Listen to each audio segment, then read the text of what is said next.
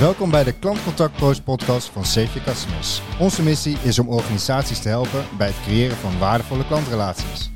We doen dit mede door het delen van kennis en ervaring en in gesprek te gaan met echte klantcontactpro's. Luister je mee?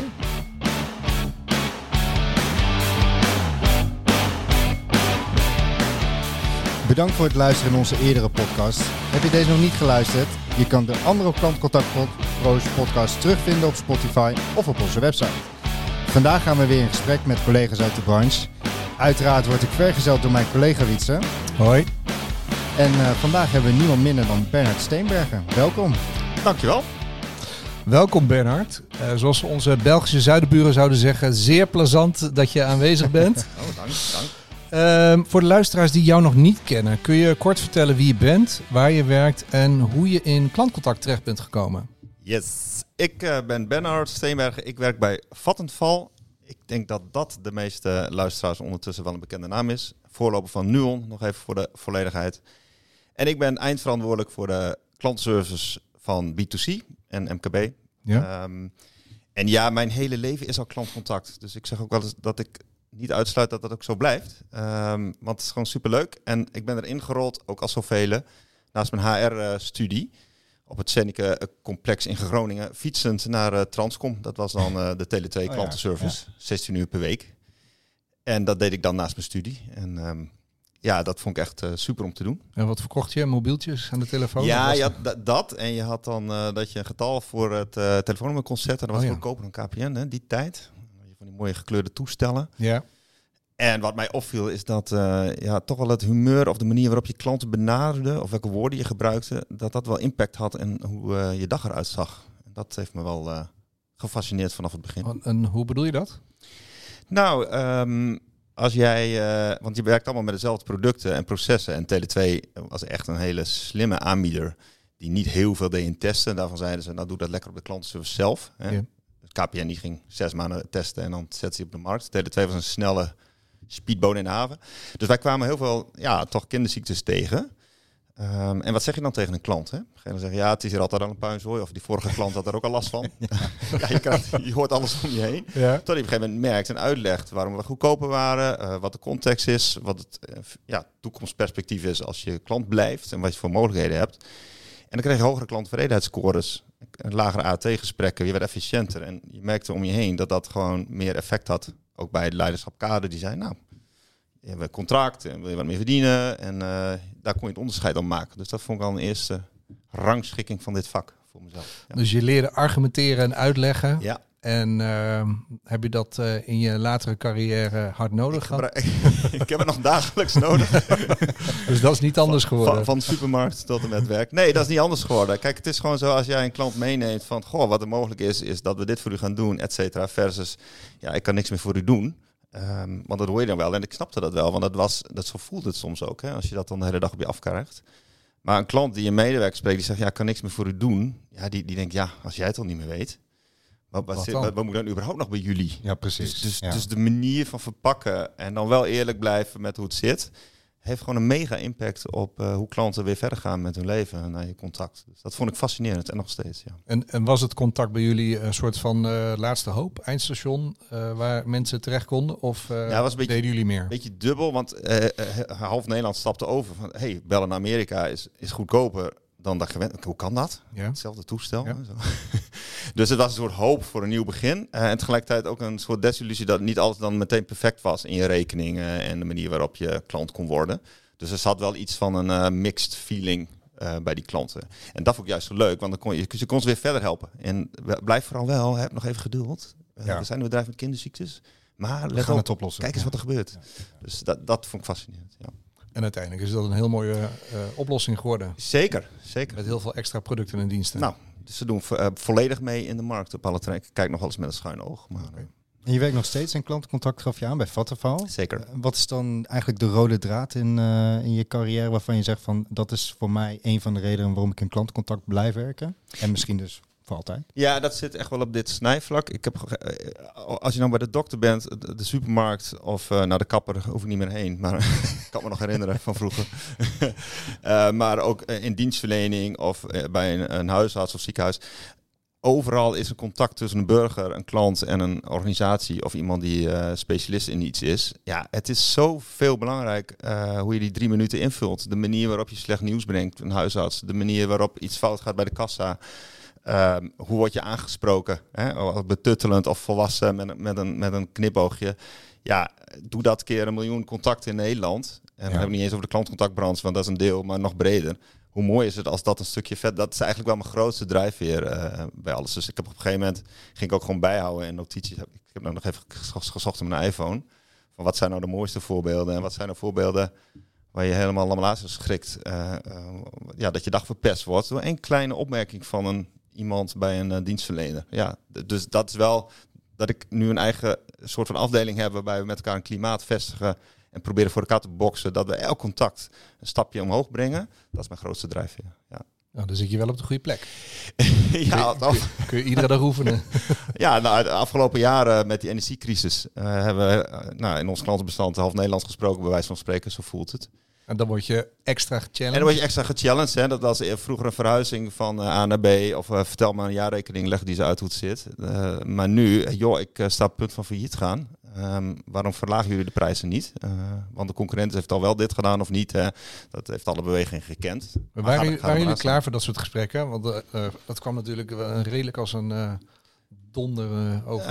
Um, we waren meer klaar dan ik gedacht had, als je vooraf gevraagd had. En dat had met een aantal aspecten te maken. Uh, sowieso, nou ja, um, onze medewerkergroep zit gemiddeld 8 tot 10 jaar bij ons. Dat is lang, hè, want in contactcentrum zijn een beetje gewend. Nou, na drie jaar ga je weer wat nieuws doen of iets dergelijks. Wij hebben voor elkaar gekregen dat mensen zijn blijven willen werken. Dus hun kennis is echt super optimaal.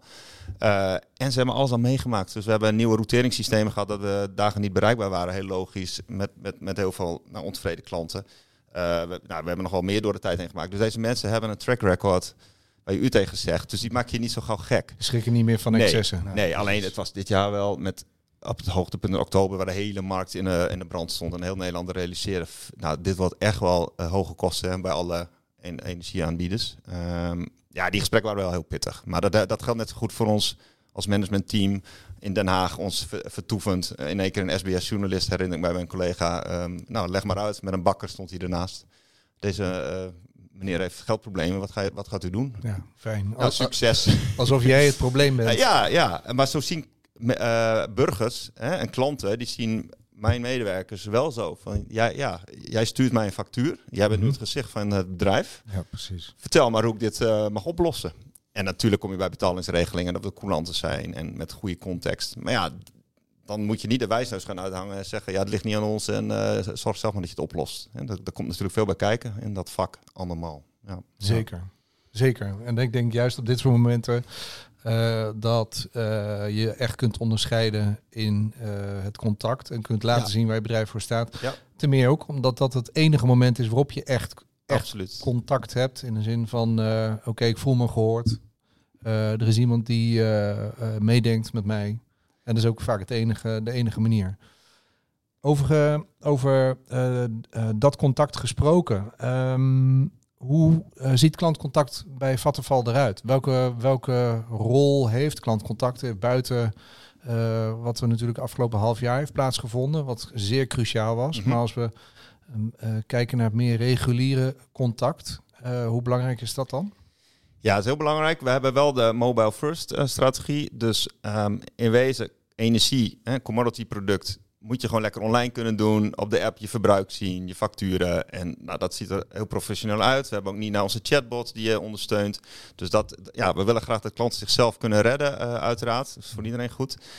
Uh, tegelijkertijd, en dat was de laatste periode nog meer, maar beseffen we ook dat het goed is om soms live uh, contact te hebben, mensen te spreken.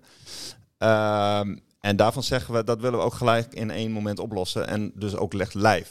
Um, dus ik geloof niet in het kanaal e-mail um, of in een soort rebound of later terugbellen. Hier en nu is het issue. Dus je spreekt nu iemand.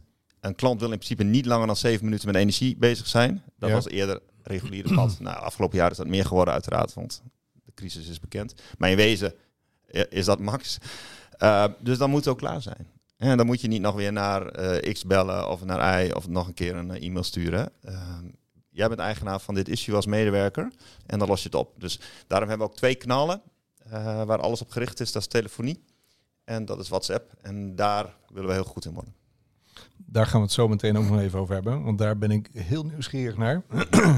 Ehm, ehm, is eh, klantcontact bij Vattenval dan eh, focus op eh, eh, aannemen, eh, vraag fixen en klaar? Nee, ehm, wij zien dat moment wel als een waarde toevoegend moment. Hè? Dus als het online niet gelukt is, nou, dan is er meestal een soort van disloyalty. En bij klanten denken, nou, waarom lukt het nou niet op dat formulier of die verhuizing? Dus de- er is schade geleden meestal. Op dus wat manier schade? Nou, eh, gedoe. Dus je, wil, je, je probeert in de, om- op de website te zoeken naar je antwoord of in de, in de app. Eh, en dat vind je net niet wat je zocht. Mhm. Ja, dan moet je, dan moet je telefoonnummer gaan zoeken en bellen en Ja, aan de wacht staan of niet. Maar eh, ja, Dus dan ga je, dan heb je, gezien. dus op het moment dat je iemand aan de lijn hebt, dan weet je, die heeft al moeite die, gedaan. die heeft er moeite gedaan. Ja, daarom heb ik ook niet per se iets met de definitie van een klacht. Want in wezen, een heel groot deel zit er wat ongenoeg onder. En dat hoor je ook wel. Van, ja, ben nu in de auto, ik zit tussen twee afspraken, maar even, kun je me even helpen? Zo, Ja. hè? Ehm, dus, dus eh, één is die, die disloyaliteit eh, minimaliseren. Zorgen dat dat goed is tussen ons. Ja? Ehm, maar een tweede is ook wel, en dat, dat bij bepaalde soorten gesprekken, is dat wij waarde toevoegen aan eh, klantcontact. En dat zie je ook echt wel. We meten dat ook. Ehm, dat het vertrouwen in het bedrijf gegroeid is. Of juist niet. Hè? En dan is het juist weer interessant om te kijken wat is gebeurd. Gesprekken naluisteren. Welke woorden heeft iemand gebruikt? Welke tactiek om een klant echt nou, ehm, weer op het goede spoor en zijn perceptie te krijgen. Want het komt allemaal goed. Hè? Mhm. Maar de ene klant is de andere niet. Dus Ja, we zien precies. daar dan een kans voor die waarde toevoeging. Ja, want daar hadden we het eh, voor de podcast ook over, over het value of cost center. Ja. En jij hebt, hebt het nu echt over het value eh, stuk. Zeker. Eh, waar zie je dat dan in terug? Nou, daar ben ik. eh, er- ik werk voor een organisatie waarin eh, even een stukje geschiedenis, mijn leidinggevende en haar leidinggevende allemaal uit de klantcontactwereld komen. En eigenlijk is dat synoniem getrokken naar de rest van de klantjourney. Waarbij ik nog wel eens anders zie dat je nog wel eens opdrachtgever, opdrachtnemer. En dan is de opdrachtgever is bijvoorbeeld sales en dan is Ja. service de opdrachtnemer. Nou, dat hele model dat is helemaal weg. Het is één verhaal. We geloven in één plek voor klantcontact. En ook een, ook een hele belangrijke plek. Hè. Dus ik, zit gewoon in de directiekamer, zeg maar, mag meedoen in beslissingen. Sterker nog, ja, het heeft gewoon een hele grote rol, vanzelfsprekend. Dus ik hoef niet met allerlei business case aan te komen van, ja, doen jullie nog wat met sales? Of eh, die AT, zijn jullie eh, nog wel van waar? Die discussies heb ik niet. Wat voor discussies heb je dan? Eh, die gaan veel meer over wat kun je doen? Wat kun je doen om te helpen? Wat kun je doen bijvoorbeeld, eh, vorig jaar was de markt helemaal op zijn gat. Hè? Had je klanten bleven waar ze zaten, waren heel blij met een stabiele leverancier. Nog steeds wel gelukkig. Maar als de markt weer open gaat en klanten gaan bellen, nou, ik weet niet, maar bij eh, de ANWB heb je dynamische tarieven. Of bij die instantie kun je zus. Ja, dan heb je medewerkers nodig, die zijn het gezicht en Ja. onze redmiddel. Hè? Die, die kunnen het verschil maken. En dat vertrouwen naar, naar onze organisatie. Dus je, je bent eigenlijk een soort van de stem van de klant eh, binnen de directiekamer. Ja, alleen dat zijn we ook allemaal. Dus we hebben ook met elkaar afgesproken, en dat is mijn leidinggevende zin, die die vindt dat erg belangrijk en dat omarm ik zeker. Iedereen klantcontact. Dus, Mhm. dus als je nou, welke afdeling je ook komt zitten, we hebben nog niet alle seppo's dat je zes maand meedraait. Zeg Ja, maar maar ja. dat, dat, dat- waarom niet twee maand? Of waarom niet in de hele training wel zitten? Ja. Degenen die het doen, die zeggen allemaal, nou, ik raad het iedereen aan. Ehm, het is een beetje een cliché misschien geworden van ja, zie ons als klantgericht zijn. Maar het, het werkt. En eh, da- Ja. daarnaast ook zelf klantcontact hebben. Dus ik heb ook elke week eh, klantcontact. Meestal is er dan wel wat gebeurd. Ehm, maar daar haal ik altijd twee of drie dingen uit. Waar ik denk, oeh, dat kunnen we slimmer doen. Ja, gaaf. Zo Ja. simpel kan het Z- zijn. Dus zelf luisteren. Ja, zelf luisteren, zelf bellen. Ehm, en dan die weerstand met collega, ja, die zegt, ja, maar ik heb het systeem niet. Of ik weet niet wat er gebeurd is. Nee, maar je hebt wel jezelf. En dan kom je weer terug op die basic. Je kunt wel zelf vragen stellen. Het helemaal, Je wat kunt is gewoon een gesprek voeren. een gesprek voeren. En wat is de perceptie van die klant? En die is per se, dat, dat is waar, want die perceptie is waar. Het is niet altijd dat een klant eh, het bij het rechte eind heeft. Ja. Maar daar kun je vervolgens met experts naar kijken en zeggen, hoe Ja. kunnen we dit anders oplossen? Maar En, en, en, en als je eh, eh, naast het contact op een abstractieniveau hoger kijkt en je kijkt naar klantrelatie, dan is energie is, eh, een product wat je iedere dag gebruikt. Mhm. Maar ik denk daar nooit heel erg over na. Laatst tijd natuurlijk wel meer, gedwongen. maar je, ja, je, je, ehm, je denkt er niet zo over na als zijn van ja, welke relatie heb ik nu met dit bedrijf? En eh, natuurlijk heb ik eh, met Vattenval iets andere relatie, omdat ik daar ooit ook eh interim opdrachten heb gedaan. Ja, ja. Maar die telt even niet mee. Nee. Als je puur denkt als consument, wat voor relatie heb je dan met een bedrijf? Dan is dat contact heel belangrijk. Maar ik kan me voorstellen dat niet iedereen contact heeft met Vattenval. nee, Hoe Hoe, eh, hoe is dat, eh, hoe geven jullie dat vorm? Hoe doe je dat? Nou, maar dat is ook aan het veranderen, omdat wij allemaal de duurzame ambitie eh, hebben en kennen. Hè? En de een wat sneller dan de ander. Maar onze missie is fossielvrij in één generatie. Ja. En dat betekent dat naast elektriciteit en gas en de, de, standaard commodity, het steeds meer over zonnepanelen, laadpalen, warmtepompen gaat. En, en die hele reis van de klant, ja, die ziet hij ook als één. Dus wij hebben wel wat zusterorganisaties of wat eh, derde partijen. Maar klant ziet gewoon die medewerker. ja. Oh, ik heb ook nog een vraag over mijn laadpaal. Of ik heb nog een vraag over. Ik wil Ja. van het gas af. Wat, eh, Oké, dus je gaat breder. je Dus gaat breder kijken. En, men- en wat we zien is dat klanten steeds belangrijker vinden hoe wij als organisatie ons manifesteren. Dus als jij, ehm, ik hoorde laatst een mooi voorbeeld tussen Verkade en eh, Tony Chocoloni. Als Verkade iets verkeerd doet, Mhm. Dat wordt zij zwaarder aangerekend dan een bedrijf wat nog weer maatschappelijk verantwoordelijke dingen doet. Ja, ja. Eh, wij roepen, eh, en dat doen we hard, uh, fossielvrij in één generatie. Eh, klimaatakkoorden, eh, wat, wat ga je concreet doen? Ja, er wordt door steeds meer mensen ook naar gekeken. Maar ook en de benefits. Dus wij kunnen straks, als je helemaal groen, gras uit Nederland, groen gas uit Nederland krijgt bijvoorbeeld, of stroom. eh, en dat, is, dat, dat weet je, dat, dat geeft een goed gevoel. Ik Ja. doe mee aan die beweging. En dan gaan klanten ga je vaker opzoeken. Online, maar Etienne ook gewoon eh, telefonisch. Dus in het kader van Never Waste a Good Crisis, dan eh, is dit het Absoluut. moment om... Dat is een eh, goed businessmodel, toch? Ja, Je ja. levert energie en je levert producten die je kan gebruiken Zeker. om te verduurzamen. Zeker. Ja, maar dan ben je dus, eh, dan, dan is de waarde die je kunt leveren Ja. vele malen groter. En Cool. eh, ik zag eh, eh, gisteren zag ik een filmpje van Coolblue, die zijn er heel goed in. Die hebben het AI. Ja, ik zag hem. ja. Heb je dat gezien? Nee, die heb ik nog niet gezien. Ja, dat is echt. eh, ik vraag me dan altijd af: is dit de volgende hoax? Weet je wel? Ja, dat we ja. net zo aan la Sinterklaas. Maar die eh, hebben dan een eh, app. eh, wat gekoppeld is aan je huis, die dan, eh, nou, ik denk, ik kan me bijna niet voorstellen dat het waar is, maar die dan op, eh, op een bepaalde tijd eh, stopt met douche, die eh, stopt met eh, je wifi of met je elektriciteitsverbruik, om je te helpen en te coachen erin. Oh, die grijpt in. Ja, die grijpt in. Ah. Ja, Interessant. Ja. Ja. vond ik ook. Ja. Het zag er niet heel eh, relaxed uit. ik kan me voorstellen dat het heel fijn is als je Nee. kinderen hebt, maar Nou, en, en eh, eh, wat ik aan zulke initiatieven mooi vind, is dat Ja. je dingen probeert Ja. en experimenteert. Dat hoort er allemaal bij, want we zitten allemaal in een soort van, waar gaan we heen? Ehm, wij hebben een app en dat- die wordt steeds gepersonaliseerder, waarin je ook advies krijgt. Eh, want we houden wel van het bij de klant te laten. Hè? Het zijn volwassen mensen, Ja. dus, dus nou, ingrijpen vind ik al een stapje verder. Mhm. Maar dat je ziet, hey, het is nu slim om eh, ehm, de, de wasmachine te zetten en dan straks de afwasmachine om die spreiding met teruglevering van zon, weet je, en de stroom, weet je, dat, Ja. dat daar een heel wereld achter zit aan algoritmes en slimmigheden. Dat, ja, dat vind ik echt super. Ehm, ja, dus het gaat die kant ook al uit, dat je, dat je naar die advieskant gaat. Gaat hij dan, gaat dan hard verschuiven? Want heb je dan nu eh, heel veel vragen om issues op te lossen? En dan wordt het, eh, hoop je dat dat natuurlijk steeds Ja. beter gaat en dat je steeds meer. eh, Nou, ik merk er om me heen. Wat, we, wat wij bijvoorbeeld kunnen zien is, de, eh, ehm, als jij al je gegevens invult voor je huishouden, en privacy is even super belangrijk. hè, Dus geven klanten eerst de optie, wat wil je allemaal dat we van jou weten? Eh, maar stel je zet alle, alles open en we zien je verbruik, dan kunnen wij ehm, achterhalen wat verbruikt het meest en op welke momenten. En wat is je top 15? En ik heb het laatst zelf voor mezelf gedaan aan energiebespaartips. Nou, ik woon zelf in een eh, relatief oud huis, 1920. ja, Eh, al relatief, gewoon oud. een oud huis. Ja, de voorganger was alleen onderdeel van het IPCC-rapport. Dus die had heel veel gedaan met eh energie-neutrale eh, beslissingen. Dus dat was heel fijn. Maar ik zat nog steeds eh 71% qua verbruik in wat slimmer kon. Dus ehm, daar kwam gelijk achter, op basis van al mijn gegevens, wat kun je bij ons allemaal doen als vatval eh aan energiebesparende slimmigheden. Dus nou, ik heb die top 10 even gepakt en ik ben daar nu wel wat met. Wat, wat meer een leuk spel, zeg maar. Dus het is, Ja. je, moet, je moet klanten uitdagen en je moet ze belonen. Dus op een gegeven moment, als je dan dingen verbetert, dan kun je punten halen en dan kun je dat weer aan goede doelen geven of deels op andere vlakken. Het, het wordt meer een, eh een spelende wijze manier om mensen en Samenspel. ja, om klanten mee te krijgen. Ja. Nou, in plaats van eh, dat we dingen gaan opleggen of zeggen je moet of je zit fout. Of... En, je, en je zei net van ja, wij, wij zijn niet eh, standaard georganiseerd zoals in de silo's. Dus eh, sales, marketing en customer service.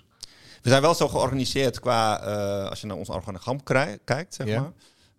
Ehm, maar we werken heel veel samen en over de ketens heen zoveel mogelijk om afstemming te doen en de bruggen te vormen, et cetera. Dus we werken wel heel agile. Ja. Tegelijkertijd vind ik dat in een fabriek, hè, als je eh, honderdduizenden transacties doet, vind ik ook een model gewoon van de traditionele kant wel handig. Uh, dat niet alles maar flexibel is en we kijken wie pakt wanneer multidisciplinair op. Ja. De standaarden uh, afwerken hoort daar ook bij. Maar de brug naar de andere afdeling wordt zeker een hele hoop gemaakt hierin. Ja. Oké, okay, belangrijk. Je zei net iets wat mij als muziek in de oren klonk. We hebben maar twee kanalen. Ja. En toen dacht ik echt niet. nou, we hebben, we, hebben um, verplichterwijs moet het e-mailadres aanwezig zijn. Ja. Um, maar even een voorbeeld daarvan. Ik ben nog op zoek naar, misschien is er, een partij die boven de nul scoort op NPS op dit onderdeel. Um, want ja, je stuurt een e-mail en de klant heeft een vraag, weet zelf niet precies wat hij vraagt. Maar denkt, nou, ik heb het in elk geval gedropt en uh, ik zie wel weer. Maar dan leest de medewerker dat hij denkt, ja, ik mis context, ik heb meer informatie. Dus die gaat bellen. Uh, klant neemt niet op of dat ja. nummer niet herkent of die denkt wat is dit? nou dan ben je zo een week verder hè? Uh, en dan gaat al de, de high effort begint al toe te nemen. Ja. dus wat wij gezien hebben en ook uit onderzoek is dat als je het live in één keer oplost um, en dan kun je prima kijken naar welke soort vraag en naar wat type klant. Ja, dat is veel succesvoller. Ook in je customer. Ja, die begrijp ik. Die, die begrijp ik. Want de, de, ik denk ook e-mailen is gewoon uh, niet meer helemaal van deze tijd. Maar Bernard, twee kanalen. Nou ja, en dan komt bij het tweede voorbeeld. Ik, als ik in de supermarkt sta en ik mag kiezen uh, voor een soort pindakaas. Ik kan leven met die van uh, dat bekende merk en die van het huismerk. Ja. Ik hoef er niet tien. Nee. Dan word ik helemaal, word ik helemaal gek. en dat, dat zie je bij klanten ook. Maar collega's die vinden dat gek. Want als je kijkt, gemiddeld worden er zes of zeven kanalen gebruikt. Ja. En ja. uh, men roept nog steeds heel hard uh, collega's in de markt die zeggen: ja, weet je, uh, je moet de klant bieden wat hij wil en wat hij nodig heeft. Ja. ja. Maar, ja, dat, maar jij denkt daar totaal anders over. Ja, nou, ik, die, ik ken die gedachte, maar ik heb me laten inspireren. Ik weet nog in, nou, ik denk vijf jaar, zes jaar geleden een meeting geweest in Londen bij Garner. En die lieten zien, en wat ik ook herken, dat je kosten surf stijgt naarmate je meer kanalen hebt. Dus daar moeten mensen achter zitten. En die mensen moeten ook nog dezelfde antwoorden graag geven, consistent. Succes. En toen liet ze één plaatje zien, die is me het meest bijgebleven. Ze hebben gemeten, als je zes kanalen hebt of zeven, ja. wat is dan de beweging? Dus ja. waar komen ze dan uiteindelijk terecht? En dat was een grafiek, was een soort spaghetti grafiek. Die alle kanten uit. Dus werd aan de zaal gevraagd, uh, wat, wat zie je hier? Ja. allemaal directeuren van banken, uh, klantservice en weet je, gewoon heel van de UK, zeg maar. En iedereen probeerde een soort van correlatie te maken. Te maken. die er niet maar die, dat was de grap, die was het niet. nee. Dat was een uh, visie ook. Kijk, het blijkt, ja, uit onderzoek, ja, klant is lost. Dus die, die begint ergens en die denkt, nou wacht rij, ik, oh, ik, oh, ik een Facebook berichtje. Ja. heb ik daar kans. Maar moet weer iemand mee aan de slag. Je kosten gaan omhoog, moet je doorberekenen. Je hebt weer discussie in die directiekamer, waar je kosten, waar we het net over hadden. En toen zeiden ze, ja, your customer is lost, dus die weet het niet meer. En Ja. dat, dat heeft mij toen wel eh, aan het denken gezet. En wij hebben een WFM-afdeling die wel meedenkt en zegt van, nou, als we kosten willen besparen zelf, of als we nog een keer een poging willen wagen, waarom gaan we niet gewoon om drie uur sluiten en zetten we dan eh, een digitale knal meer aan? Dus die waren, die waren al eh, in een soort startblokken. En toen kwam dit erbij. En toen wouden we, eh, die kosten surf ging omhoog. Nou, kosten is natuurlijk belangrijk, hè? want uiteindelijk hebben de klanten daar last van. En toen hebben we gezegd, laten we het, eh, laten we het doen. En Dus- vanuit, ja, vanuit kosten snap ik hem, maar Dus jullie hebben, even voor de, voor de Ja. duidelijkheid, jullie hebben eigenlijk twee prio-kanalen. Ja. Of, en dat is dan eh, telefonie en eh, WhatsApp. WhatsApp. Ja. En eentje die moet. Ja. En dat is dan e-mail. Ehm, wat zijn de voordelen en de nadelen als je hier nu op terugkijkt? Of zijn er alleen maar voordelen? Nee, de- in het begin, eh, dat heb je altijd met dingen die spannend zijn en nieuw en wat mensen niet gewend zijn. Ehm, Ik werd op een gegeven moment werd ik gebeld door iemand van mediarelaties eh, of iemand van een andere collega. En de- maar Ja, het- het is verandering en het is nieuw. En je- hoe kun je nou om drie uur niet bereikbaar zijn? En dat, dat, eh, dat kan ook niet als je geen alternatief aanbiedt. Dus als je Mhm. om drie uur en dan in één keer, ja, een soort oude overheidsinstantie waarbij iedereen naar huis is. Hè? Dat, dat, dat kan een beeld worden. Maar wij merkten als we WhatsApp volle bak aanzetten met voldoende mensen erachter die goed geschoold, top waren in dat contact, dat dat een prima alternatief was. Sterker nog, de NPS was veel hoger. Ehm, we kunnen meer per uur doen ook. Hè? Dus het contact is wat anders. Het is wat meer to the point, maar nog steeds wel met die smileys en Ja. met, met dat frisse eh, stukje eraan. Eh, en je kon het ook gewoon oplossen. Dus het was ook niet zo dat je bepaalde vragen eh, niet kon doen. Tuurlijk, het een leent zich iets makkelijk bij de ander en andersom. Hè? Maar dat werkte prima. En eh, het, het was toch een ander type klant. Tuurlijk hebben wij ook nog een groep die eh, wat minder gedigitaliseerd is. Die echt wel graag wil bellen. Maar dan nog, dat kan tussen 8 en, 8 en 3. Ja, die Dus bellen een dan grote- Ja. En elke groep die daar misschien wat meer tijd voor heeft soms, eh, om het zo maar te Maar je NPS was gestegen. Ja, Maar, en, en hoe komt dat dan? Nou, ehm, maar er zijn een aantal hypotheses die erachter zitten. Wat wij zien is dat dat snelle contact ehm, en niet helemaal live, dat dat gewoon fijn is. Dus wij hebben allemaal WhatsApp. Ik weet niet, we, nou, we hebben geappt voor deze podcast. Ja. precies. Ja. Maar mijn ouders ook. Mijn moeder, ik heb meer contact dan ooit. Dan, eh, dan, dan even vroeger. Hè, van, eh. Dat belletje was dan een hoge drempel. Maar, maar wij vinden het prettig als, als je een soort ehm, binding hebt in een issue. Ja. En bij een e-mail is het lost in space. Mhm. Maar bij WhatsApp ja, is het soort van eh, continu aanwezig. Er zit ook een valkuil in, hè? blijft dat dan het gesprek eeuwig duren. Dus daar hebben we ook afspraken over wanneer, wanneer- Ja. Want we meten herhaalverkeer. Ehm nou, dan willen we wel weten wanneer is een case echt gesloten. Hè? Dus daar hebben we afspraken met medewerkers over dat je op een gegeven moment sluit als het echt wel duidelijk is. ja. Maar dan willen we wel dat die klant een soort van stickiness daar blijft. En, en daar een soort van, als hij over drie maanden weer iets heeft, ons daar weet te vinden. Hè? Ja, Want daar precies. zit onze kracht. En dat contact ging immers zo leuk en goed. Grappig. En de kosten dan? Hoeveel, hoeveel procent heb je er... eh, heb je hem naar beneden gemapt? Ja, dat was een hele grote. Ehm, Mag je dat hier niet noemen? Ja, doe maar wel. Nou, want dan, dat, dan gaan mensen misschien eens extra nadenken. nou, er zit een hele wereld achter met, met opnieuw bijschaven, et cetera. Ja. Maar je moet echt wel denken aan 20% reductie. Dat is echt veel. En, en ehm, eh, je moet ook, maar er zit een hele andere kant aan. Je moet wel mensen werven die goed zijn in WhatsAppen. En dat doe je Ja. die punt en de D's en T's en de manier waarop. Dus je, daar zitten natuurlijk weer kosten aan. Hoe je dat slimmer doet en je moet lange termijn visie hebben. Wat erg meewerkte is de, ehm, eh, de meer privacy kant en de, de legal kant. Hè? Ja. Dus WhatsApp is, een, is niet makkelijk om binnen te fietsen. Nou, daar hadden we hele hoop kennis in boord, aan boord eh, zitten. Dus, dus daar hebben we licenties voor gekregen en dat hele traject heel netjes afgerond. Dus daar zit ook wel eens een horde voor organisaties om daar meer in te investeren. Uh, maar dat alles bij elkaar heeft wel een nieuwe mix opgeleverd, uh, waar ik erg blij mee ben. Ja, en het, uh, je ging er net heel snel doorheen. Je zei, er was een weerwaar. En um, um, ik weet dat... Uh, Bij Gartner bedoel je? Ja, dat, ja. dat die, die uh, sheet. Ik weet dat Gardner ook uh, meermaals heeft gezegd van ja, als zodra mensen moeten switchen van het ene naar het andere kanaal, ja. dan sta je al met 1-0 achter. Ja. En uh, dan, um, ja, weet je, dan, dan zijn mensen al niet blij. Um, en ik bedacht me ook, ja, ik vraag best wel vaak bij bedrijven, zijn jullie in staat om die uh, switches in kaart te brengen? Dus kun je van zien dat uh, klanten van online komen en dat ze dan uh, bellen of dat ze dan gaan chatten. En het valt me op hoeveel bedrijven dat gewoon niet in kaart ja. kunnen brengen. Ja. En mijn hypothese is nog steeds, en was altijd, van Um, omdat je op zoveel verschillende kanalen zit, dan uh, ja, dat, dat is aanbod wat je uh, misschien wel aan het afhandelen bent, wat halverwege afhaakt, uh, waar je dus inderdaad effort voor moet leveren. Dus Zeker. met andere woorden, ik denk dat een heel groot deel van de kosten die contactcenters voor hun kiezen krijgen, een soort van verborgen zijn, letterlijk. en dat, Dat die hierdoor ontstaan.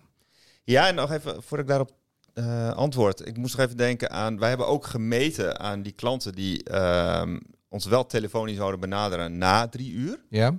Uh, maar dan er niet doorheen komen en geen WhatsApp gingen gebruiken. Want we bieden natuurlijk, dat heet dan deflectie, we bieden dat alternatief aan. Je krijgt een sms met een link je kunt gaan WhatsApp of rechtstreeks via de website. Dus ja. het kanaal staat de hele dag op.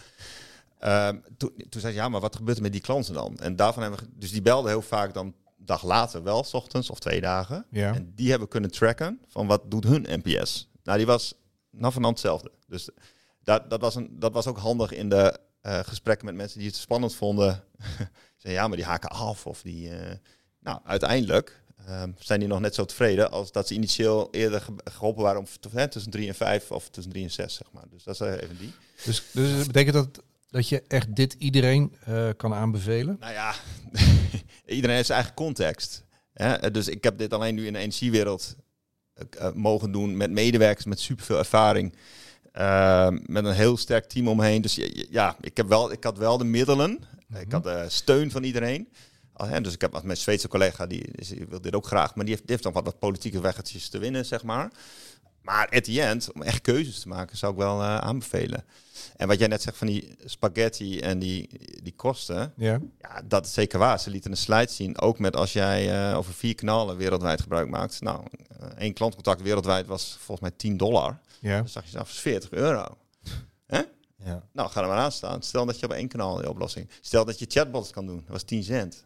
Dus Ja. ja. dat zijn wel inzichten waarbij je veel bewuster je kanalen in gaat zetten. In plaats van dat je denkt, ja, maar de klant wil dit.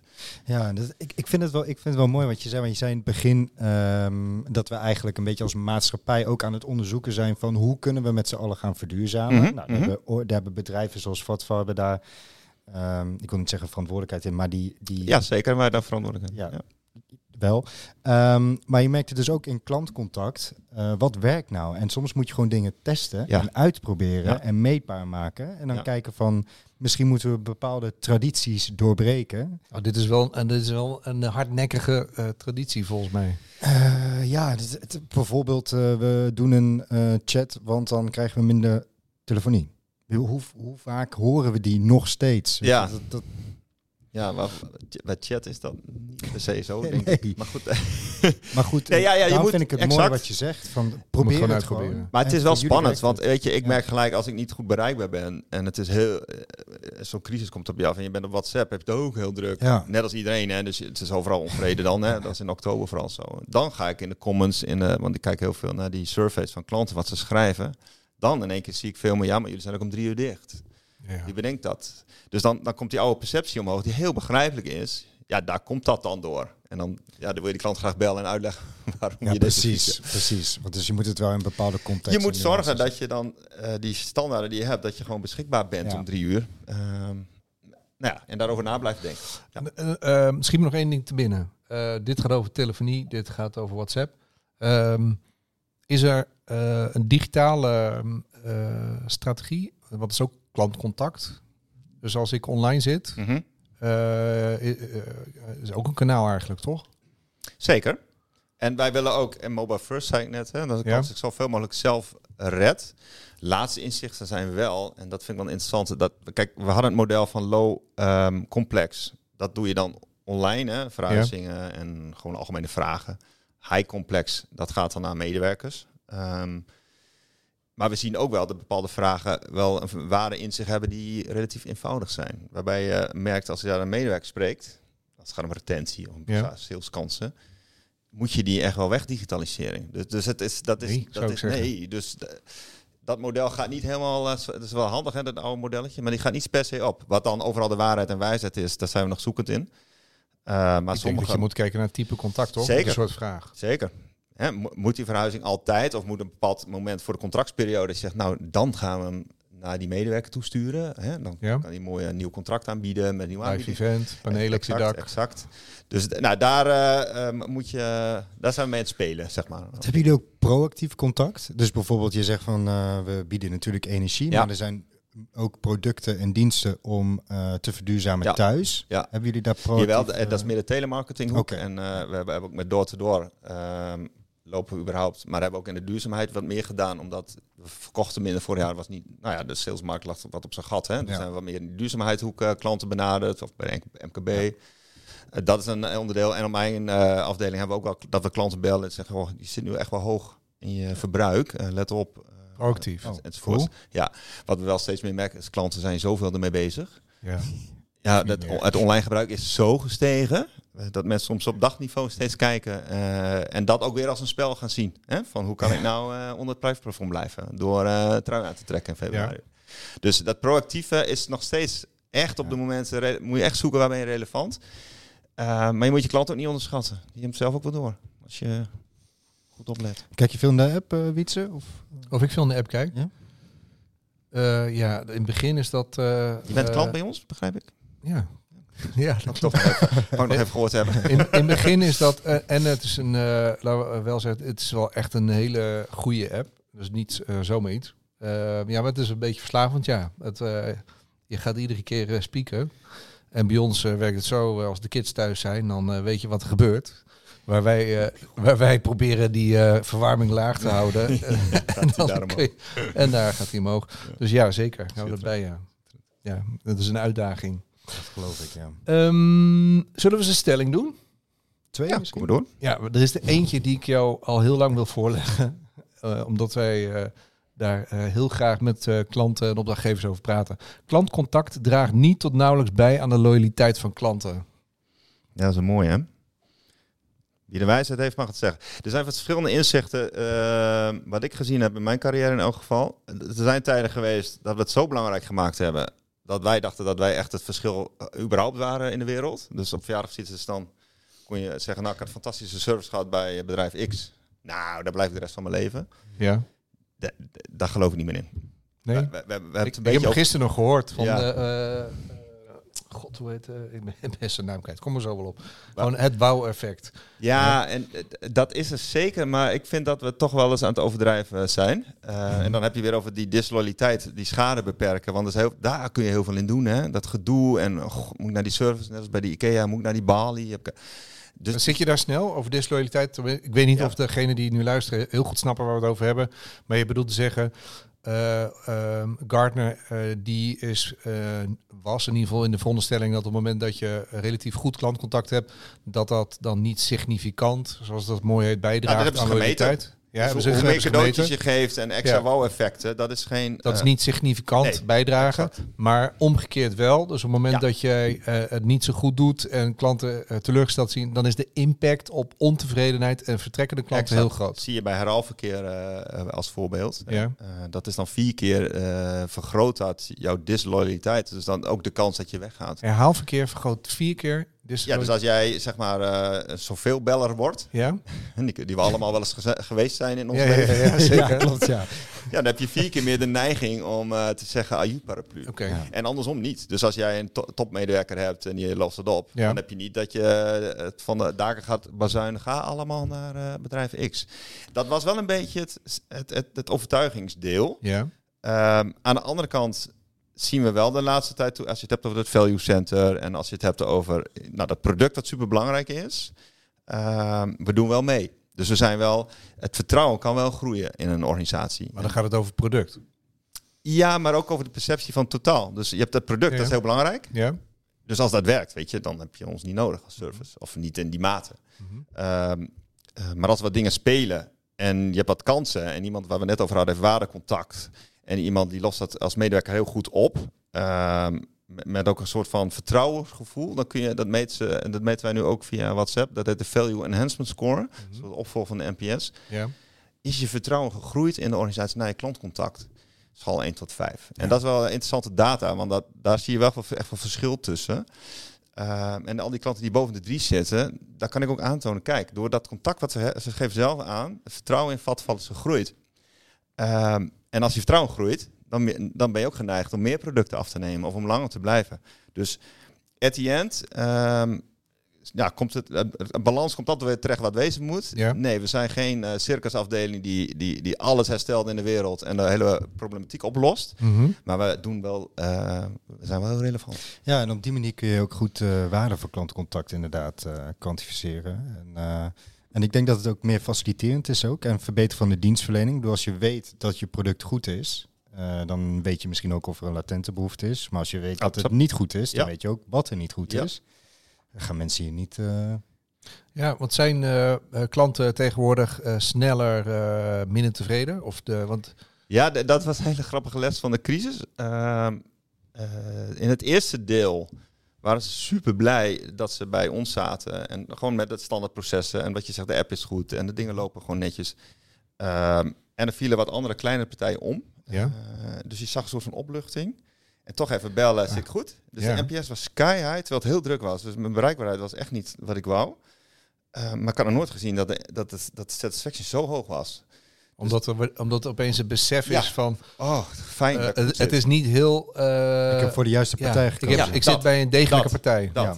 Maar toen kwam die crisis en ging verder en ging verder. En die gasprijzen, nou, je hebt het gezien, hè, Ja. gingen Mhm. exorbitant. eh, Nou ja, naar een niveau overal, waarbij het sentiment, politiek, media zo drastisch omsloeg. Ja. En er kwam prijsplafond en, en, en werd gewoon met argwaan gekeken. Hoe werkt het allemaal? Hè? Ja. Ehm, en toen in één keer was ik wel goed bereikbaar. Maar was de NPS niet zoals het normaal was. Dus ik merk nu, en dat is nu gelukkig weer stijgend. Dus we hebben weer ruimte. We hebben heel veel mensen aangenomen om echt voor die klanten van ons te zijn. Uh, en ze uit te leggen dat het prijsplafond, nou voor 80% van onze klanten is dat gewoon voldoende. Ja. Uh, om, te, om dat tussen de oren te krijgen. Want dat gaat niet, wij denken nou, het is een journaal geweest. We hebben gecommuniceerd. Het is duidelijk. Ja. Die link wordt niet direct gemaakt. Mensen zijn verward, maken zich zorgen. Hebben niet alles, alle context scherp. Wij intern natuurlijk wel, maar het is onze baan en dat mag je van ons verwachten. Hè? Uh, en dat, nou, dat het te voet uh, uh, komt en gaat te paard, nou letterlijk. En dat is nu weer gaan. Dus ik zie nu weer stijgen. Stap voor stap. Stap voor stap. En, dus de, dus echt, de echte loyaliteit is nog, te, nog steeds gekoppeld aan bij jullie ook imago, wat er in de markt Ja. gebeurt. Ja. je product, je als bedrijf, als in klantcontact heb je ook wel daadwerkelijk invloed op heel veel Zeker. manieren. Uh, m- maar je ja, wil niet zeggen dat je daarmee het uh, per se het verschil maakt als de in je druk- eentje niet. Nee, precies. Wat wel uh, zo is, dat het echt zo relevant is. Ik moet wel, ik kijk naar je RNPS-lijn, hè, dus de, de, zeg maar, je imago van een bedrijf, naast Ja. je transactionele NPS, hè, Ja. dus na het klantcontact. Die lijntjes die zijn toch wel redelijk... eh, Die lopen gelijk. Ja, die zijn wel vriendjes. Oké. Ja, dus dat vind ik dan altijd wel leuk om te zien. Maar daarmee moet ik niet zeggen dat alleen service verschil maakt, maar we weten dat dat niet zo is. Dus het is niet Ja. een één op één relatie altijd. Nee, dus Nee, je, dus uh, je moet het gewoon ongelooflijk goed organiseren. Ja. Je moet er zijn, je moet Ja. er staan. Daar waar je kansen ziet, moet je uh, adviseren en proberen de extra's uh, te brengen. Precies. Oké. Precies. Nice. Dat is een lang antwoord, maar ik vind hem mooi. Gelukkig. Um, hoe zou je dat bij andere bedrijven dan adviseren die nog in aan het zoeken zijn? Jij, Uh, jij maakt het ja. antwoord nu langer, hè? Dat, Ja, dat weet ik. Ja, ja. Maar ik had al van tevoren gezegd dat ik deze vraag heel graag wilde stellen. Want dat is een interessante materie. Nou ja, ehm, je moet eerst eens gewoon met de stakeholders om tafel gaan zitten. Dus even voor die cost-to-serve kant heb ik met finance hebben we gewoon echt wel wat betekent dit allemaal? Ja. En, en die zijn heel happig op, uh, goh, als je een productieve kanaal hebt, hoe ziet dit dan eruit? Oh, je kunt in plaats van zes per uur, doe je er acht per uur. Ik zeg maar wat. Mm. En wat doet het met je AT? En hoe kan die chatbot, want dat is ook zo'n inzicht, we dachten dat hij gaat overnemen. Ja. Nee, op dit moment die maakt juist je AT slimmer. Dus die pakt uh, je naam en uh, gegevenscontrole of de privacy en AVG dingen. Of die kan aan de, aan de zijkant van de transactie efficiëntie pakken. Mm -hmm. uh, en als je dat dan laat zien in investeringen aan, aan je finance collega's, die zeggen, nou, dat, die zijn dan om. Um, maar die CX-collega's hebben weer een heel ander belang. Die zeggen, uh, ja, maar is dat WhatsApp-kanaal wel geschikt voor wat wij echt willen met die master en die, die 6-plus organisatie ja. enzovoort. Ja. Dus die moet je weer meenemen in voorbeelden met die analyses op WhatsApp of met, ja, die kun je gewoon aantonen of met die Gartner-informatie. De wereld vergaat er niet. Als je het, het gaat eigenlijk best hand in hand. Maar je moet het uh, gaan testen en je moet gewoon de cijfers en de data, de data uh, laten, spreken. Ja, uh, maar ook uitstralen dat je erin gelooft. Dus het is niet alleen met data, het is ook gewoon met elkaar durven experimenteren. Ja, met elkaar. En, en nogmaals, ik heb een klimaat om me heen waar dat mag en kan. En dat is, dat is best wel comfortabel. Ja. En ik weet heel veel organisaties waarbij, ja, die, die, die zijn daar nog niet. Hè? Of uh, ja. Die wat andere ervaringen meegemaakt waarbij je even weer terug bij af bent. Dan is dat makkelijk praten vanuit mijn stoel. Hè? Dus je hebt ook wel jaloerse collega's af en toe. Nou, ik heb een tijdje geleden, waar was dat? Een uh, seminar gegeven in combinatie met het Smart Center ergens in Nederland. Dat waren twintig bedrijven en hebben we dit, hebben dit onderdeel besproken. En ik ben, ik ben ook heel nieuwsgierig weer um, hoe anderen weer omgaan met de problematiek in hun reisbranche. Of, want het is niet appels uh, met appels altijd. Maar in de pauze waren er heel veel die zeiden, ik vind echt, uh, ik wil dit ook wel, maar dit gaat, gaat niet lukken. Zo. En dus die, ik hoor wel heel vaak de mensen zeggen, ik ben heel geïnteresseerd in om uh, dit te gaan doen. Ja, ik, ik hoor weinig zeggen, nou wat je nu gedaan hebt, dat... Uh, Nee, je gaat hier gewoon mee pochen. Dat vind je stoer. Nee, nee dat moet je ook niet doen. Want dan uh, ga je te veel in jezelf geloven. Ja, maar, maar stiekem is wel stoer dat je één keuze durft te maken en dat, je, dat het werkt. Z zeker. En het, en het is voor, en voor klanten kennelijk, die vinden het helemaal prima. Als je maar de boel op orde houdt. Dus ik, ja. ik heb altijd wel dat stemmetje dat ik niet zo geniet van het succes. Dat ik opletten, opletten, opletten. Waar, wat gebeurt er nu? Hoe wordt er nu gereageerd? En is dit nu de eindoplossing? Vast niet. Ja, maar volgens mij is dat, uh, dat is bij, er iedere, bij iedere uh, eindbaas in klantcontact zeg ik altijd, de dag dat jij denkt, ah, dit gaat, was een goede dag, dan moet je opletten. Dan moet je heel, uh, ja precies. Dus Dan komt er wat voorbij. Dan gaat er wat successen komen. en pochen en weet Ja, ik wat. Er ja. zijn heel veel bedrijven met heel veel mooie dingen. En dit is eentje waar wij heel uh, blij mee zijn. Was, was, uh, even als afsluiten dan. Um, zou je dan adviseren aan die mensen die zeggen van, bij ons kan het echt niet. Om te zeggen van, joh, zorg dat je je baas op orde houdt. En maak dan die keuze en zorg voor draagvlak. Een paar spelers meenemen en het dan gewoon doen. Ja, dat. Ja. Gewoon doen. Gewoon eh, durven even buiten die eh, gebaande paden iets te doen met, eh, met knalstrategie. Ja. Ja. Dat je niet, dat merk ik ook met die e-maildiscussie. Ehm hebben we ook in de brandvereniging KSF over gehad. Hè? En met CCMA gevraagd, van, wat zien jullie in jullie doelgroepen? Wat, wat doet e-mail? En natuurlijk kan de Consumentenbond zeggen van, nou, Europees is het verplicht. Of de ACM kan erop toezien. En dat, Ja. dat, dat, dat, dat is hun recht en dat is heel goed. Maar is er ook een gesprek gaande? Hè? Hebben we het met elkaar hierover? Van wat Ja. is nou het beste voor onze Nederlandse burgers om te doen? Ja. En dat ontbreekt dan. Past het nog bij de huidige tijd? Past het nog bij Past nu? het nog wel bij nu? Ja, dus je kunt zeggen, die wetgeving is er. En, eh, maar- wie wordt hier echt blij van? Ja, exact. want volgens mij gaat het gewoon om dat je bereikbaar bent.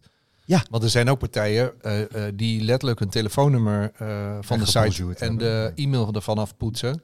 En alleen maar eh, via een eh, bot bereikbaar zijn. Dat of dat je het wegpoetst met de reden om te hopen dat niemand daar iets dat naartoe niemand gaat stuurt. bellen, ja. Zoiets, hè? Maar je, je kunt ook vanuit visie doen. Ja. Kijk, ik geloof wel in e-mail. Als je maar eh, als je een honderman hebt zitten en je hebt er twee klanten, dan is het net een live contact. Dan, ben je, dan is, het, Ja. is het gewoon net als WhatsApp. Ja. Ja, kan het goed. ja, maar dat is wel heel duur. Ja, heb je het uitgerekend? waarschijnlijk, waarschijnlijk. Oké. Eh, eh, ik krijg eh, een signaaltje dat ik naar stelling 2 ga. Al een kwartier geleden. Ehm, die is eigenlijk een beetje voorbode voor het onderwerp wat we hierna willen bespreken. Dat gaat over medewerkers met meer vrijheid hebben geen KPI's nodig. En dan zul je denken, ja, een beetje vreemde eend in de bijt. Mooie In, in, in het gesprek wat we nu hebben. Ja, dankjewel. Ehm hoe kijk jij daar tegenaan? Ja, het is interessant. Hè? Ik, ik, ik moet wel zeggen, ik voel wel wat voor de toon van de muziek hierbij. Ehm, en dingen zijn nooit absoluut, hè. En en wat is dan vrijheid? Is dat vrijheid, eh lui lekker, zie maar wat en ik zie niet meer naar je om? Of is dat medewerkers ruimte geven om autonomisch eh, keuzes te maken? Ik denk dat laatste. En daar geloof ik wel heel erg in. Dus als- jij ehm, onze hele goede energieadviseurs, zoals we bij ons dat noemen, ook in coronatijd hebben we dat gedaan, zelf de ruimte geeft om uur, uur in te delen op teamniveau. Om te zeggen, joh, ik moet nu even naar school eh, en kan iemand anders bijspringen. En dat het helemaal losgaat van direct wat WFM ziet. Die pakt dan een- de hoofdlijnen hè, in, eh, in de sturing. Ja, dan heb, je, dan heb je mensen mee die zeggen, ik krijg ruimte hier. Ik word niet alleen maar, ik krijg alleen maar klanten op me af. Ik mag ook gewoon mijn eigen eh, wereld organiseren. Ja, maar, kan dat omdat zij al wat langer in dienst zijn Ja. en de klap van de zweep kennen? Of is dat een profiel? Het, beide. Dus het, dat helpt. Eh, maar je kunt ook een profiel werven. Wij hebben, we hadden altijd wat een profiel, dat noemen we dan de empathizer. Die waren wat meer gericht op care- empathizer. Ja. Dus care, dus vervelend voor u en een beetje zorgend. Dus kan een heel mooi profiel zijn. Maar Service profiel. ja, we hebben toch wel gemerkt dat mensen met een mening en een kennis en die zeggen, joh, u belt nu voor de derde keer, zie ik. Nou, ik werk er nu vijf jaar, ik weet wel even de routes hier. Ehm, dit is de laatste keer en ik los voor u op. Weet je, de, de wat meer regisseur-types hebben we wat binnengehaald. Was ook een eh, proces hoor, om daaraan te wennen. Allemaal hele dominante Nou, in mensen. het begin wel, dus die eerste training. Die Dit was wat te veel van het goede, hè, zeg maar. Ja. Maar wel wat meer die durf en die keuze mogen maken. Ja. En je zit een keer fout. En net, net wat je op macroniveau met zo'n WhatsApp-discussie dan uiteindelijk durft, hè, eh, wat ook niet makkelijk was, hebben zij op eh, transactioneel niveau. Ja. Dus ma- doe maar eens een keer iets geks wat niet in het script staat, maar wat wel wat jij passend vindt. Nou, 9 van de 10 keer is dat meestal een briljante oplossing. En één keer gaat het fout. Nou, moet je hem ook feliciteren met de fout. Ja. Dus ik geloof wel in als, je, als dat met vrijheid bedoeld wordt, dan gaan mensen de dingen doen die relevant zijn. En dan zijn die KPI's vaak eh, leiden die meer af dan eh, dat ze waarde toevoegen voor de medewerker zelf. Maar ehm, dat betekent wat voor de manier waarop je dingen moet aansturen. Ja. Ja, dus je hebt, je hebt zeg maar, eh, wij hebben dan zelfroostering zoveel mogelijk. Mhm. Ehm, eh, je, eh, je eigen doelen bepalen. Dus je zegt aan het begin van het jaar, oké, dit is het businessplan van Vattenval voor onze service. Dat betekent, ik ga dit bijdragen. Of in KPI's of in inspanning. Ja. Maar je komt eerst, jij bent aan set en dan ziet de leidinggevende wat jij op tafel hebt gelegd. Versus bottom down. Hè? eh, dit wordt van jou verwacht en je zegt ja en amen. Het is gewoon de, alleen dat kleine accentverschilletje al maakt dat je meer aan de knoppen gaat zitten. Want daar, daar gaat het steeds om, hè? dat je zelf in actie komt. En dat is niet zo makkelijk. Want dat, dat is geen vanzelfsprekendheid. Sommige mensen die denken, vind het ook wel fijn. En daar kun je ook weer over versteggelen. Hè? Want zijn ook wel mensen die zeggen, is heel fijn. En moet je, is dat dan fout? Nou, weet ik niet. Als, als dat je drijfveer is en je vindt het leuk om eh, hoe jij je app dan bekijkt met je verbruik, is ook een beetje KPI-sturing met je eigen gezin. Maar hoe, hoeveel ruimte krijg je dan? Want eh, lijkt me, ja, als je je eigen interpretatie erop loslaat en je krijgt ruimte, dan ga je het pakken. Of hoe werkt dat? Ja, ik geloof er niet zo in. Ik geloof, als jij gewoon mensen aan boord hebt die intrinsiek eh, het leuk vinden om bij je te werken, Mhm. en dat meten we. Eh, onze engagement is, is behoorlijk goed. Eh, en en de, de link met Vattenval en wat wij precies willen. Ja, dan, ja, dan heb ik in mijn werk dat toch gewoon niet zo nodig. eh, dat je de hele dag op uw niveau ziet wat je gedaan hebt en hoeveel. En, Je maakt iemand eigenlijk mede verantwoordelijk voor, eh, Ja. Voor, voor de doelstellingen die je dat Ja. jaar gaat. Ik denk, ik denk eigenlijk, nu ik er zo over na zit te denken, eh, want ik ben het volledig met je eens, dat het meer aanpassingsvermogen vraagt van de manager dan de medewerker zelf. Want managers zijn over het algemeen. Ja, dat je- snap ik. Ja, ja. Is dat Als- zo? Ja, is eh, ja, en het inzicht dat je begint, leiderschap denken we altijd aan eh, teamleiders, operatiemanagers, directeuren. Eh, maar leiderschap heb ik ook geleerd, dan denk ik ook aan mijn medewerkers. Ja. Daar begint de leiderschap. Want zij hebben het eerste leiderschap. Zij zijn het eh, eerste contact naar de klant. Maar daar heel veel leiderschap vindt daar plaats wat wij niet meer zien. En want we luisteren niet Ja. alle calls na en eh, daar gebeurt het. zelf Ja. oplossen, Ja. goed regelen. Ja. En, en als je goed oplet, en dan kom je bij de eerste belangrijke leidinggevende die in het werkveld zit, de teamleider, die ziet als iemand elke keer er niet uitkomt en hulp nodig heeft. En dan kun je helpen, hè? dus dat is heel belangrijk. Die ziet hoe zelfredzaam is mijn groep en hoe komt dat? En meestal ligt dat niet aan die groep. Word je gefaciliteerd? Hoe zijn de processen? Ja, Eh, exact. je moet je troep opruimen voor je mensen. Doet die, doet die teamleider dat? En daar kijkt die operatiemanager weer naar. Hè?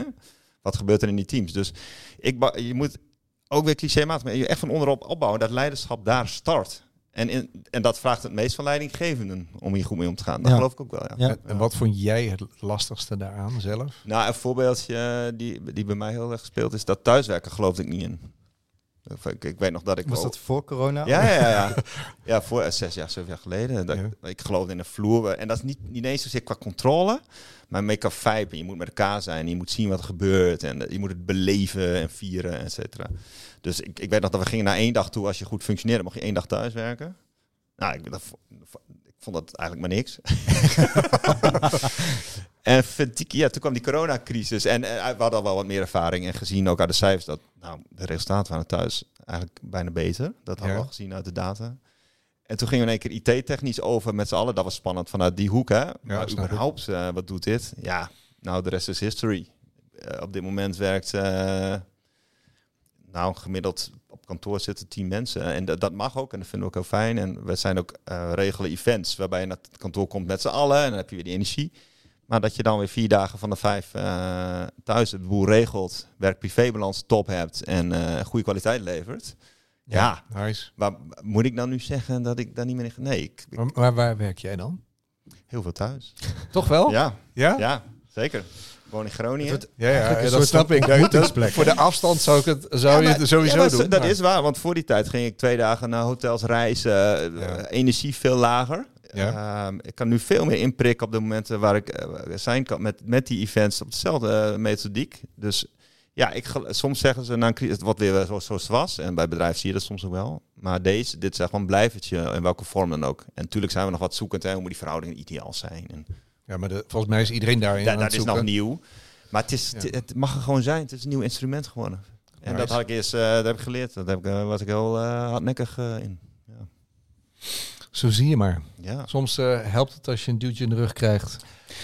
Nou ja, soms helpt het als er gewoon een soort van eh, crisis is. Ja, precies. Daarom zeggen Ehm. die, die zeggen, never waste a good crisis. Ja, precies. Ja, wel gaaf. Mooi. Hier zitten echt wel veel eh, inzichten in en eh, eh, extra triggers om eens een keer wat te durven, denk ik. Ehm, thema. Ja, dat is wel een mooi thema. Ehm, ik, ben, ehm, ik ben benieuwd, Bernard, wat was, als je kijkt, in, je hebt een aardige carrière in klantcontact. Dus dat, volgens mij ga je dan ook heel kritisch kijken hoe andere bedrijven dat doen. Tenminste, ik wel. Wat is jouw beste klantervaring ooit? En waarom? Ja, die, het, het, ehm, ik had deze vraag wel van. Die, die zit niet eens zozeer in eh, contact met een klantenservice, maar die was bij de Jumbo. Oeh. Ja, ik had, eh, kinderen waren nog klein en dat je dan boodschap gedaan hebt en dan kom je bij die kassa. En dan moet je, moet je alles in het gereel halen. Hè? Ja. Nee, die loopt daar in zus. En, Hoeveel kinderen waren dat? twee, twee. Ah, Oké. was een eentje. Ja. En het was volgens mij met Pasen, dat kan niet anders, was, het was een enorme grote zak met paaseitjes had ik, eh, En ik weet niet hoe het gebeurd is, dus het is te lang geleden. Maar die hele zak die viel op de grond. Nou, die hele vloer bezaaid met die Paaseieren. Ja. maar wil nou het geval, ik had drie tassen van de Albert Heijn mee.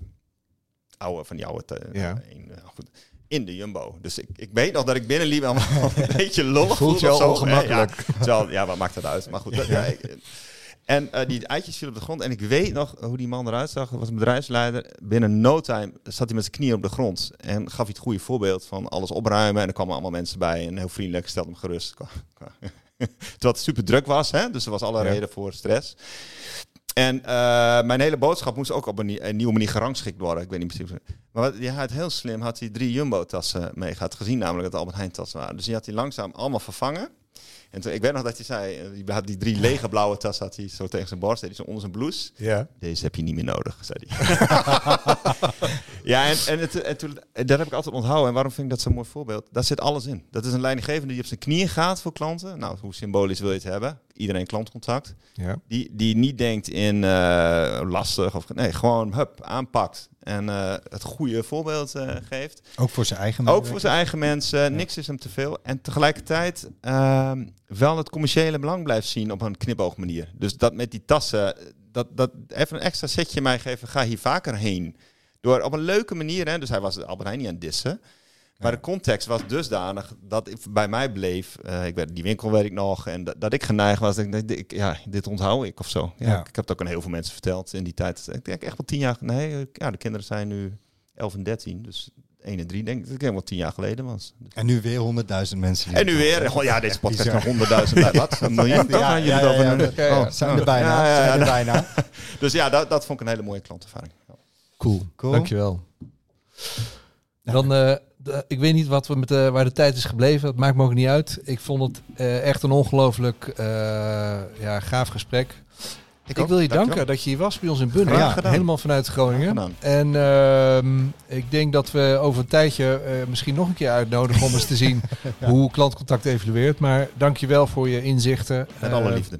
En eh Omid, eh, jij dankjewel. eh Ja, nou jij ook. En voor de luisteraars eh, is volgens mij eh grote vraag: eh, durf je een eh, keuze te maken? ja, precies ja. Nou, dat, dat laten we dan eh naar aanleiding van eh, dit verhaal bij jezelf liggen natuurlijk. En eh, we hopen dat het eh, de nodige inspiratie heeft gegeven. En misschien dat extra zetje, je weet maar nooit. Laat het vooral eh, luisteren aan je leidinggevende, een collega waarvan jij denkt die kan wel een zetje gebruiken. Precies. En misschien Ja. is het iets Ja. minder eng dan je denkt. Dus eh, doe er je voordeel mee. Dankjewel allemaal. Wietse bedankt. En Bernard bedankt. Bernard, en bedankt. tot de volgende keer. Hoi, hoi. Doei. Doei.